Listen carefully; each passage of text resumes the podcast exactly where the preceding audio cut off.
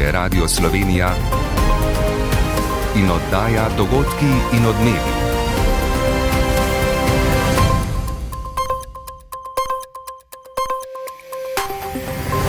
Ura je 15 in 30 minut. Dober dan. Pozdravljeni. Vlada je kljub obljubam o celoviti plačni reformi z dogovori z zdravniki, šolstvom in sodstvom pričakovano odprla Pandorino skrinico. Zdaj dvigajo glas še kulturniki, policisti, gasilci. David Švarc iz sindikata poklicnega gasilstva. Dovolj nam je obljub, sprenevedanja in drugorazrednosti. V naših enotah je zavrelo, Minister za solidarno prihodnost bo Simon Maljevac v spredje postavlja dolgotrajno oskrbo in stanovansko politiko. Regionalni razvoj bo usmerjal Aleksandar Jevšek, opozoril je na praznjenje obmejnih območij. Oba že imata zeleno luč pristojnih odborov, zdaj odločajo še o Bojanu Kumru kot ministru za okolje, podnebje in energijo ter Matjažu Hanu za gospodarstvo, turizem in šport. Strategija digitalizacije zdravstva, ki med drugim vključuje telemedicino in e-karton, je razgrnjena. Zdravstveni minister Daniel Bešič Loredanjo označuje kot ključen korak k sistemskim spremembam. Brez tega temelja druge reforme ne bodo možne. Zunanja ministrica Tanja Fajon je v Bosni in Hercegovini slišala zahvale za slovensko podporo pri pridobitvi statusa kandidatke za članico Evropske družine. Razklano državo sicer čaka še veliko dela. Jutri sončno, v nedeljo od zahoda dež, začetek novega tedna pa bo prinesel sneg do nižin. Z vami sva Miranda Bratkič in Tomaš Polak. Sindikalni plaz zahtev po zvišanju plač v različnih poklicih se je sprožil. Danes so se oglasili še gasilci, policisti ter zaposleni v kulturi. K zahtevi po višjih plačah jih je spodbudilo predvsem nagrajevanje sodniških funkcionarjev ter zvišanje minimalne plače, saj so se številni izmed njih zdaj znašli pod to mejo. Več Katja Arhar. Potem, ko so pred dnevi vojaki in zaposleni na Ministrstvu za obrambo opozorili na plačna nesorazmerja in vlado pozvali k pogajanjem, so podoben poziv vladi poslali tudi poklicni gasilci in policisti. Poklicni gasilci se zauzemajo za izenačitev plačnih razredov s kolegi iz zdravstva, ki opravljajo primerljiva dela.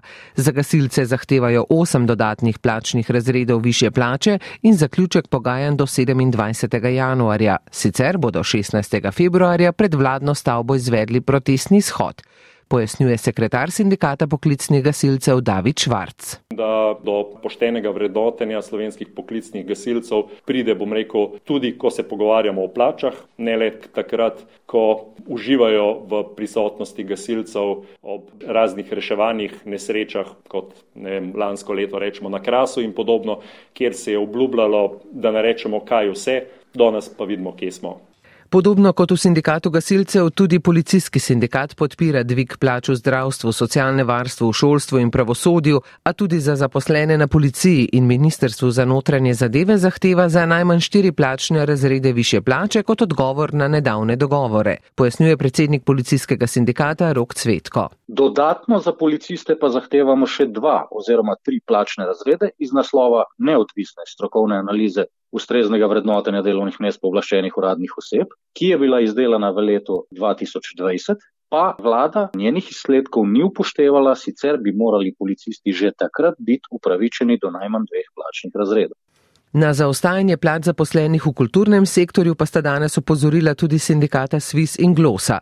Podobno kot sindikati vojakov, gasilcev in policistov, tudi sindikata kulture pozivata k takojšnjemu dialogu in odpravi plačnih nesorazmerij. Danes so se pristojnim parlamentarnim odborom predstavili še preostali štirje ministerski kandidati, ki bodo del prenovljene vladne ekipe po novem zakonu o vladi. Kot prvi je zeleno luč odbora danes dobil kandidat za ministra za solidarno prihodnost Simon Maljevac, ki želi prednostno urediti področje dolgotrajne oskrbe. Rešiti namerava stisko 14 tisoč starejših, ki čakajo na sprejem v institucionalno oskrbo, najbolj ga skrbi pa manjkanje kadra. Pravi, da pospešeno popravljajo zakon o dolgotrajni oskrbi, da bo začel veljati z začetkom prihodnega leta. Podrobnejših pojasnil o zagotovitvi dodatnih finančnih virov pa ni dal. Financiranje nam določa deloma tudi načrt za odkrivanje in odpornost. Tega se bomo mogli držati. Z Ministrstvom za finance pa smo v pogovorjih na kakšen način je treba to narediti. Ministrstvo načrtuje tudi zgraditev 5000 javnih najemnih stanovanj do konca mandata, na najemniški trg pa namerava poseči z določenjem minimalnega trajanja najemne pogodbe, z regulacijo cen najemnin in jasnejšo zakonodajo na področju reševanja sporov. Pred člani parlamentarnega odbora za gospodarstvo pa se predstavlja dozdajšnji minister za gospodarski razvoj in tehnologijo Matjaš Han, ki bo ponovem pristojen za gospodarstvo, turizem in šport. V predstavitvi je počrtal narejeno delo v prvih šestih mesecih ministrovanja in napovedal, da si bo še naprej prizadeval za sodelovanje, reševanje odprtih problemov in razvoj gospodarstva. To lahko računa na svojo ekipo, ga ne bo pustil na cedilu, je zagotovil Simona Rogel. Minister Han je uvodoma počrtal aktivnosti, ki jih je ministerstvo speljalo pod njegovim vodstvom v minulih šestih mesecih, med drugim vzpostavitev intenzivnega sodelovanja z gospodarstvom, sprejem več zakonov, predvsem pa uvedba številnih ukrepov za pomoč gospodarstvu v času energetske krize. Posebno pozornost namenjajo tudi posameznim segmentom industrije, ki je pomembna tudi v evropskem okviru.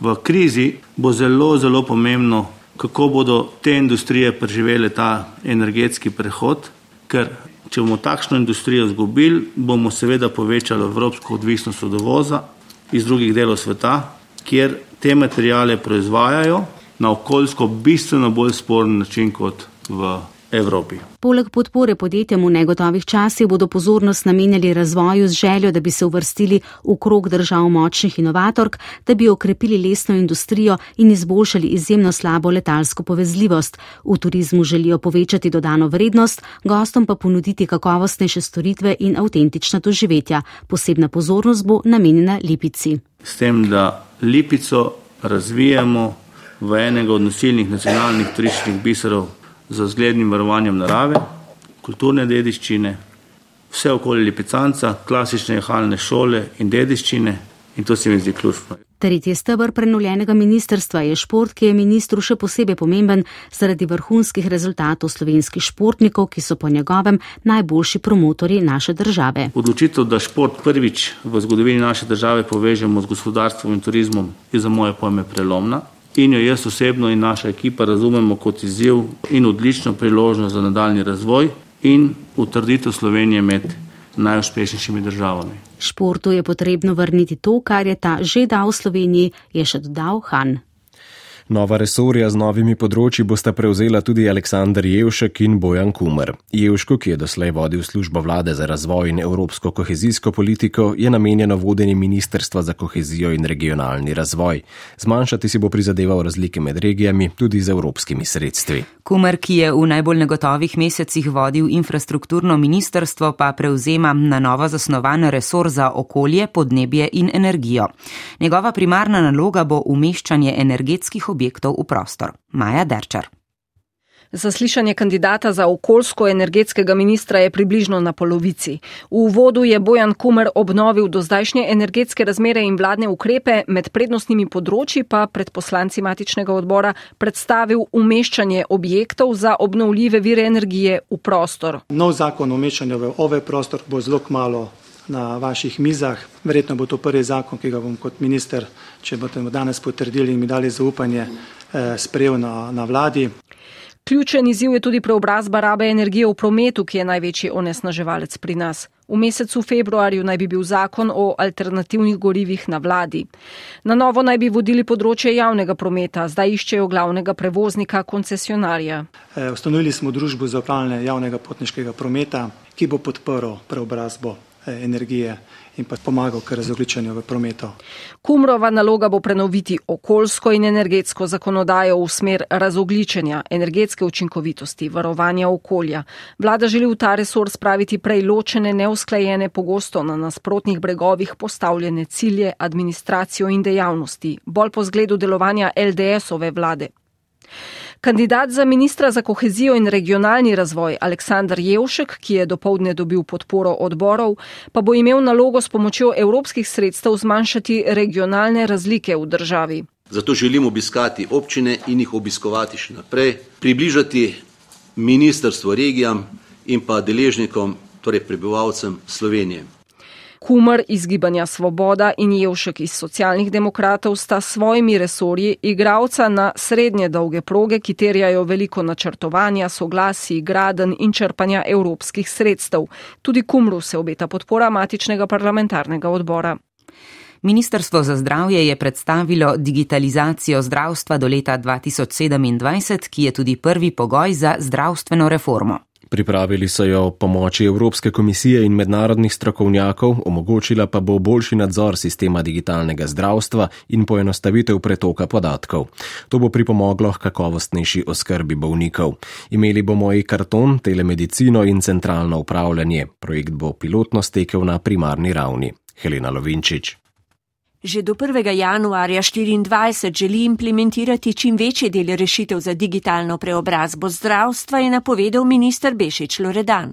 Namreč digitaliziran zdravstveni sistem pomeni transparenten zdravstveni sistem. Transparenten zdravstveni sistem pomeni, da denar, ki ga bomo zbrali za zdravljenje, bomo lahko za zdravljenje tudi porabili. Še bolje je pa ključno to, da kamorkoli bo v prihodnje slovenski pacijent prišel, bo sistem povezan. To bo omogočal e-karton. Želja je, da ko pridete k osebnemu izbranemu zdravniku, ko pridete v bolnišnico, ko se vstopi v vaš karton, so vsi podatki na enem mestu, kar opravite v bolnici, vidi vaš osebni zdravnik, kar opravite pri zasebniku, vidijo vsi specialisti v sistemu. Digitalizacija zdravstva bo potekala sočasno s krovno strategijo digitalizacije Slovenije. Ta teden je že v javni razpravi, je povedala kandidatka za ministrico za digitalno preobrazbo Emilija Stojmenova Duh digitalizacija zdravstva bo pomagala zdravstvenim delavcem. Da jih razbremeni raznih administrativnih ovir, da jim pomaga pri organizaciji dela, da lažje eh, se odločajo, načrtujejo in tako naprej kot tudi pri a, pacijentih in sicer na način, da sprejemajo bolj informirane odločitve in tudi, da imajo a, dostop do svojih a, podatkov. Prednosti za državljane bodo velike, je povdarila v imenu Evropske komisije Natali Berger, se bodo imeli varen dostop do svojih podatkov. Border, so Tudi čez mejo, če bi se odločili za selitev po Evropski uniji. Pri tem bomo imeli koristi tudi od izmenjave najboljših praks iz Avstrije, Katalonije, Estonije, Finske in Portugalske. V nadaljevanju oddaje med drugim o tem, da je Moskva danes vendarle potrdila zauzetje ukrajinskega mesta Soledar, kar pa Ukrajina še naprej zanika. V Združenih državah pa odmeva odkritje zaupnih dokumentov pri predsedniku Joe Bidenu iz časa, ko je bil še podpredsednik. Najnovejši svežen so odkrili na njegovem domu. Številni tiskani mediji zaradi težkih finančnih razmer krčijo kader večinsko z mehkimi metodami. Predsednica sindikata novinarjev Alenka Potočnik. To je zdaj najbolj uh, resen projekt na delu, kjer ne bi se vodstvo pogovarjalo kar s 16 zaposlenimi o predčasnem odhodu v pokoj. Sindikat in društvo novinarjev nameravata predlagati državno pomoč, med drugim pri distribuciji. Omenimo še, da so inšpektori lani pri nadzorovanju prodaje sadja in zelenjave odkrili nepravilnosti v tretjini primerov. Najprej pa v Bosno in Hercegovino, kjer je na obisku zunanja ministrica Tanja Fajon. To je prvi politični obisk iz članice Unije, odkar so v Sarajevu pred enim mesecem dobili status kandidatke za učlanitev. Ministrica je državi čestitala, ponudila slovensko pomoč na nadaljni evropski poti ter se srečala s člani predsedstva in predstavniki civilne družbe. S kolegico Bisero Turkovič je govorila tudi o nevarnem ruskem vplivu in o novečnih napovedih odcepitve entitete Republike Srpske ter združitvi Srbijo. Poroča poroča naš dopisnik Boštjan Anžin. Status kandidatke za Bosno in Hercegovino je pomembno politično sporočilo celotni regiji. Zavedajo se, da je k temu pomembno prispevala tudi Slovenija, Bisera Turkovič. Građani Bosne in Hercegovine, če ovo pamtiti. Državljani Bosne in Hercegovine si bodo to zapomnili. To je podpora, ki je prišla v zelo težkih okoliščinah, podpora, ki je ne smemo nikoli pozabiti. Tanja Fajon. Evropska unija je ponudila roko, zdaj je vprašanje, kako trdno bo to roko stisnila Bosna in Hercegovina. Tu so vladavina prava, svoboda medijev, spoštovanje ustavne ureditve države. Treba je čimprej sestaviti oblast na vseh nivojih, ključno bo politično sodelovanje in izpolnitev 14 prednostnih nalog, ki jih je že leta 2019 začrtala Evropska komisija. Ministrici sta govorili o ruskem vplivu, napad na Ukrajino je spremenil geopolitično sliko. Tanja Fajon. Kar pomeni, da je širitev na Zahodni Balkan postala visoko na agendi, morda tudi v luči vseh varnostnih tveganj, ker potrebujemo drug drugega. Gostiteljica govori o nenehnih napovedih, ki vodijo v uničenje države. Ogorčena je, da so v entiteti Republiki Srpski podelili priznanje ruskemu predsedniku Putinu. Od mednarodne skupnosti zahteva sankcije za to entiteto, kjer ignorirajo tudi odločitev, da je praznovanje Dneva Republike Srpske 9. januarja, tam so bili tudi nekateri srpski in črnogorski ministri, neustavno. A v isto vrijeme imamo vojnu paradu. Hkrati pa smo spremljali vojaško parado na obrobju Sarajeva, torej v vzhodnem Sarajevu, kar ni nič drugega kot vojaška provokacija in najava tega, kar se lahko zgodi jutri. Gostiteljica je omenila še vedno ne do konca rešeno vprašanje deviznih varčevalcev ter slovenske institucije zaprosila, da razmislijo o možnosti reševanja dvojnega državljanstva, kar je za Bosno in Hercegovino glede na velik odliv prebivalcev zelo pomembno. Evropska komisija bo popovdne končala obisk na švedskem, kjer so 1. januarja prevzeli predsedovanje svetu Evropske unije. Teme pogovorov švedsko vlado so zagotavljanje mednarodne konkurenčnosti unije, zeleni prehod in migracije. Že dopovdne pa so v okviru obiska v bližini najsevernejšega švedskega mesta Kirune slovesno odprli prvo vesolsko izstrelišče za satelite na celinskem delu Evropske unije. Mojca Širok. V razširitev vesolskega centra S-Range, ki leži kakih 40 km od Kirune, so švedske oblasti vložile 15 milijonov evrov. Izstrelišče, ki so ga svečano otvorili danes, je prvo na celinskem delu Evropske unije. Evropska vesolska agencija ESA ga je doslej namreč imela le v Kuruju v francoski Gvajani. Prvo izstrelitev satelita načrtujejo v prihodnjem letu. Danes je bil dan za slavje in za visoke goste. Trak v barvah švedske zastave so prerezali švedski kralj Karl Gustav, švedski premijer Ulf Kristersson in predsednica Evropske komisije Ursula von der Leyen. Raziskovanje vesolja nam pomaga razumeti naše mesto v njem. Vesoljska tehnologija in podatki pa služijo tudi izboljšanju življenja ljudi na Zemlji, je povedal Kristerson, ki je še posebej povdaril pomen evropske vesoljske infrastrukture v trenutnih geopolitičnih razmerah. Well.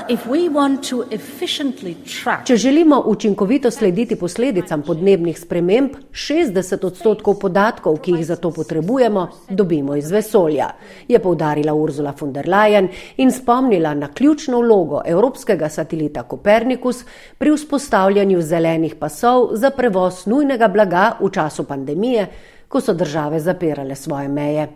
Evropski komisarji in člani švedske vlade so se sestali tudi na delovnem kosilu. Predsednica von der Leinova in švedski premije pa bosta razpravljala tudi na ločenem dvostranskem srečanju. Ruska vojska je sinoči zauzela ukrajinsko mesto Soledar na vzhodu države, so sporočili z ruskega obrambnega ministrstva. Uradna Moskva je prepričana, da ji bo ta vojaški uspeh olajšal zauzetje bližnjega Bahmuta, še večjega in strateško pomembnejšega mesta. Zauzetjem Soledarja bodo namreč ruske sile lahko prekinile oskrbovalne poti, ki vodijo v Bahmut, so še sporočili z ruskega obrambnega ministrstva. Oblasti v Kijevu so navedbe okupatorja označile za lažno informacijo, saj da ukrajinske sile še naprej branijo občino Soledar. Po poročanju regionalnih oblasti ostaja v omenjenem mestu ujetih približno 560 civilistov. Ukrajinski predsednik Volodimir Zelenski je dejal, da je obramba Soledarja in Bahmuta ključna za ohranitev obrambnega zidu, ki varuje Slovjansk in Kramatorsk, večji mesti v Donbasu, ki sta še pod ukrajinskim nadzorom. Škandalom ob odkrivanju zaupnih dokumentov pri zdajšnjem in prejšnjem predsedniku Združenih držav ni videti konca. Potem, ko so včeraj odkrili nov svežen zaupnega gradiva tudi v garaži predsednika Joea Bidna, je pravosodni minister Mary Garland zanj odredil posebnega preiskovalca. Že od lanskega poletja pa posebni tožilec preiskuje tudi nekdanjega predsednika Donalda Trumpa, ker je iz Bele hiše odnesel več sto dokumentov za znako zaupno. Več Matej Šurc nepazljivost, malomarnost ali že kar patološka pozabljivost, se sprašujejo američani, potem ko je prišlo v javnost, da so pri predsedniku Bidenu že drugič odkrili tajne dokumente. 2. novembra lani so jih našli v njegovi nekdani pisarni, ki jo je uporabljal še kot podpredsednik. Informacija o tem je prišla v javnost šele v ponedeljek. Čez tri dni pa je prišlo na dan, da so jih konec decembra našli tudi v garaži njegove hiše v Delaveru.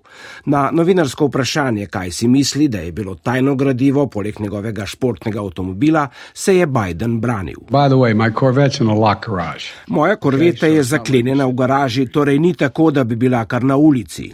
Vsebina in izvor teh dokumentov javnosti še niste znani, a se je Biden znašel v hudi zadregi, kajti ko so lani pri Trumpu našli zaupne dokumente, je aktualni predsednik početja svojega predhodnika označil za popolnoma neodgovorna. Analitik Erik Tucker sicer opozarja na pomembne razlike v obeh primerih. Justice Department, the FBI actually had to go to Mar-a-Lago Preiskovalci so morali k Trumpu na dom in mu vzeti dokumente, ki jih sam ni hotel izročiti, pri Bidenu pa so njegovi svetovalci sami predali najdene dokumente, pravi. Bidenov primer bo preiskoval nekdani tožilec Robert Hur, ki velja za Trumpovega človeka. Trumpa pa preiskuje Jack Smith, za katerega nekdani predsednik vse skozi trdi, da je skrajni levičar in da ga sovraži. Zdaj Trump od pravosodnega ministrstva zahteva naj preiskavo proti njemu nemudoma ustavi. Dogodki in odmevi. Tiskani mediji so že nekaj časa v krizi. Vodstvo medijske hiše Večer je zaradi sanacije negativnih poslovnih rezultatov napovedalo odpust sedmih zaposlenih, od teh petih novinarjev. Odgovorni v Večeru sicer še niso sprejeli dokončne odločitve, krčenje kadra je aktualno tudi v drugih tiskanih medijih, kjer pa so v ospredju mehkejše metode. Prispevek Dejana Rata. Tiskane medije v Sloveniji je prizadela že koronska kriza, vse splošna draginja pa je ob odpovedi naročnin krepko podražila tiskanje in distribucijo časopisov.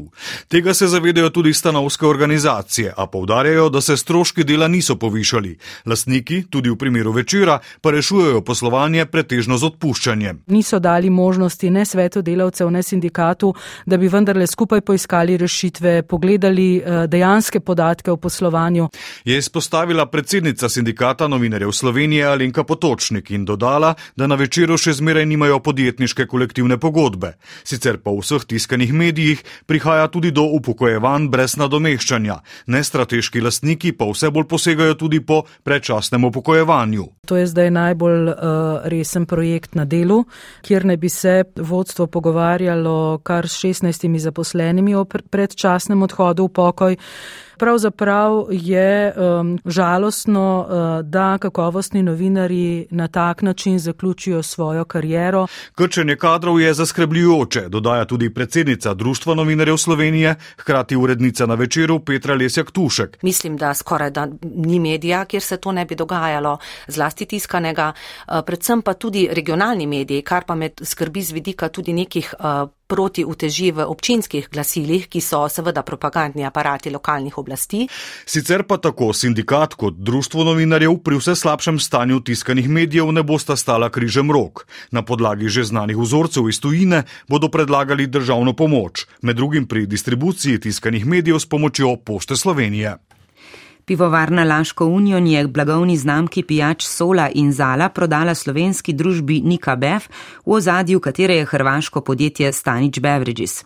Kot so še sporočili iz pivovarne, se bodo tako lažje osredotočili na pivovarsko dejavnost. Strani ne razkrivata višine kupnine. Proizvodnja izdelkov sole in zale se bo sicer v Ljubljani nadaljevala najmanj do konca septembra, usoda zaposlenih, ki so vezani na omenjeni blagovni znamki, pa še ni znana.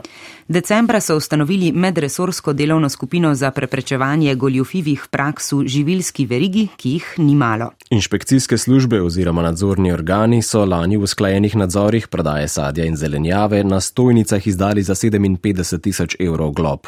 Podrobneje o rezultatih nadzora Tjaša Škamprle. Na tržnicah, parkiriščih in ob cestah od maja do decembra so inšpektori pregledovali sledljivost, označevanje, registracijo, higieno sadja in zelenjave. Nadja Škrk pojasnjuje, kakšne nepravilnosti so inšpektori za varno hrano ugotovili pri tretjini od 153 pregledov. In sicer neustrezno označevanje v 33 primerjih, pomangljivo higijensko stanje v 14 primerjih zavajanje glede porekla v osmih primerjih, neustrezna oziroma pomankljiva sledljivost v štirih primerjih, odsotnost zdravstvene izjave zaposlenih v petih primerjih, neustrezna registracija obrata v dveh primerjih. Kot smo že večkrat poročali, so stojnice postavljene tudi brez soglasja lastnikov zemlišč. To je potrdil nadzor, glavna tržna inšpektorica Andreja But. Najpogosteje ugotovljena nepravilnost je, da si trgovci za prodajo na stojnicah Eh, niso pridobili ustreznega soglasja ali pa ne razpolagajo s podatki o stanju blaga. Finančna uprava je polovico nadzorov 121 izvedla pri petih pravnih osebah. Nekaj trgovcev sadjem in zelenjavo ima namreč po Sloveniji razvejeno mrežo stojnic. 65 prekrškovnih postopkov se je končalo z globami. Kršitelji so pogosto korak pred inšpektori oziroma se plačilu kazni izognejo tudi tako, da podjetje z neporavnanimi dolgovi zaprejo in odprejo novo, ki nadaljuje staro prakso. Na terenu pa je opaziti spremembo, sadje so začeli označevati kot sezonsko in ne več kot domače.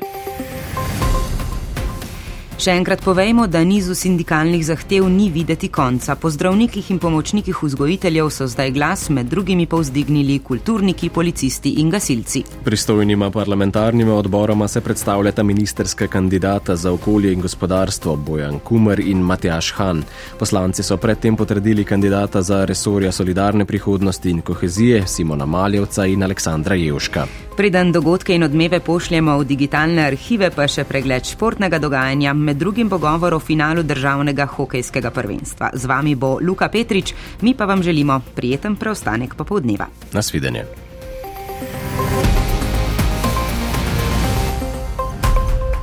Slovenska rokometna reprezentanca je zlahka preskočila prvo viro na svetovnem prvenstvu na Polskem in Švedskem. V Katovicah je sinoči za 14 golov premagala Saudsko Arabijo in potrdila uvrstitev v drugi del. Naslednji oviri v skupini bosta neprimerljivo višji. Iz Slovenije prihajata ukrepitvi. Že zvečer bosta na treningu tudi pomočnik selektorja Luka Žviže in prisilna menjava za Staša Jovičiča Tadej Mazej, mlademu debitantu, ki je proti Saudski Arabiji zabil tri gole, želimo čim hitrejše okrevanje, zanj pa je žal tekmovalno prvenstvo končano. Uvod z Azici je bil, če odmislimo to, takšen, kot so ga v slovenskem taboru pričakovali. Selektor Uroš Zorman. Mislim, da je veliko pokazali, nismo včeraj ne, nek, nekih stvari, tako da kar se tega tiče, jaz mislim, da, da smo vse to, kar smo hoteli včeraj, smo naredili, tudi tako, kot smo se zmenili, smo odigrali, skrili določene stvari. Jaz upam, da bojo pa te stvari, ki smo jih skrili, eh, funkcionirale na, na, na naslednji tekmi, se pravi tekmo za Poljsko. Poljaki so proti francozom seveda igrali z odprtimi kartami Zorman, ki ga ob Jancu in Bombaču polski kolegi zaradi izkušenj v Kjelcah pričakovano obletavajo, pa se sicer zaveda, da bo to mali finale za Slovenijo, hkrati pa poskuša svoje prevetrene zasedbe stresti breme pritiska in mnogim uliti dovolj poguma za razprodano spodek areno. V njej bo danes zanimiv dvoboj skupine E med Nemčijo in Katarjem komentarjem za dogodke in odmeve Uroš Vovk. Aleksandr Omot Kilde je dobil super vele slalom v Vengnu pred dvema domačinoma, Rogentinom in Odermatom. Slovencev ni bilo v točkah, jutri bo v švicarskih Alpah smuk, v avstrijskih pa ga ne bo, saj v Sankt Antonu odpadel tudi drugi ženski trening, zato bo do konec tedna izpeljali dva super vele slaloma. Smučarske skakavke pa japonski del sezone nadaljujejo ob ognjeniku Zao. Poseben dan je danes za kanadsko reprezentanco, med slovenkami pa je bila v deseterici peta Nika Križnar, Dare Rupar. Aleksandrija Lutiti je novo ime med zmagovalkami svetovnega pokala. Z vrhunskim izhodiščem je prednost znala zadržati tudi v finalni seriji in s tem potrdila dobro delo trenerja zamejskega slovenca Janka Cvitarja. Na zadnje na ljubnem je Lutit zmogla le dobre kvalifikacije, tokrat je tekmovalka z eskimskimi predniki ohranila mirno kri tudi na tekmi. Še enkrat pa je potrdila, da ji za zdaj bolj ustrezajo srednje naprave. Na drugem mestu je bila nad vse vesela Avstrija. Avstrijka Eva Pinkelnik, ki je še povišala prednost v seštevku sezone pred glavnimi tekmicami. Na zmagovalni podest pa se je vrnila Avstrijka Kjara Krojcer, nekdaj Helcel. V slovenskem taboru slabše kot na veliki napravi v Saporu, v deseterici je na koncu le Nika Križnar na petem mestu.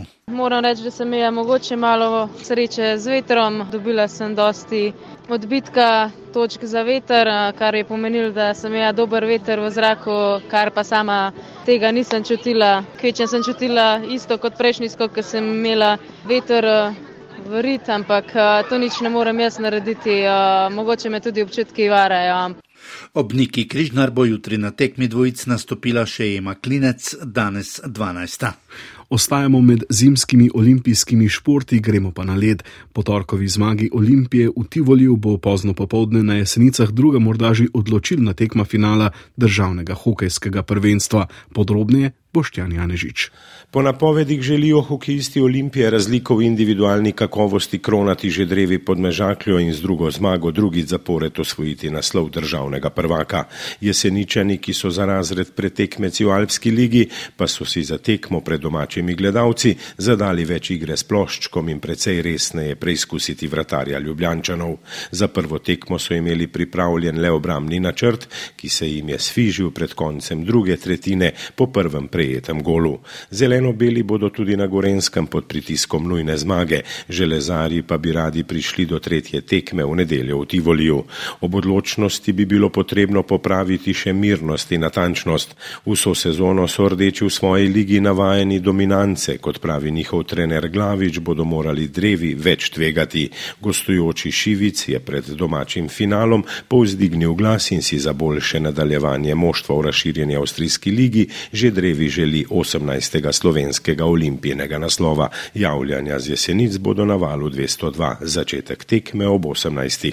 Še k biatlonu moško štafeto v Rupoldingu so dobili Norvežani, pred Nemci in Francozi. Slovenci so skromno začeli, dolžan je moral odteči kazanski krog, v nadaljevanju pa je Fak zgrešil dvakrat, Cisar in Vidmar pa sta v prvo zadela vseh deset tač, kar je zadostovalo za končno deveto mesto.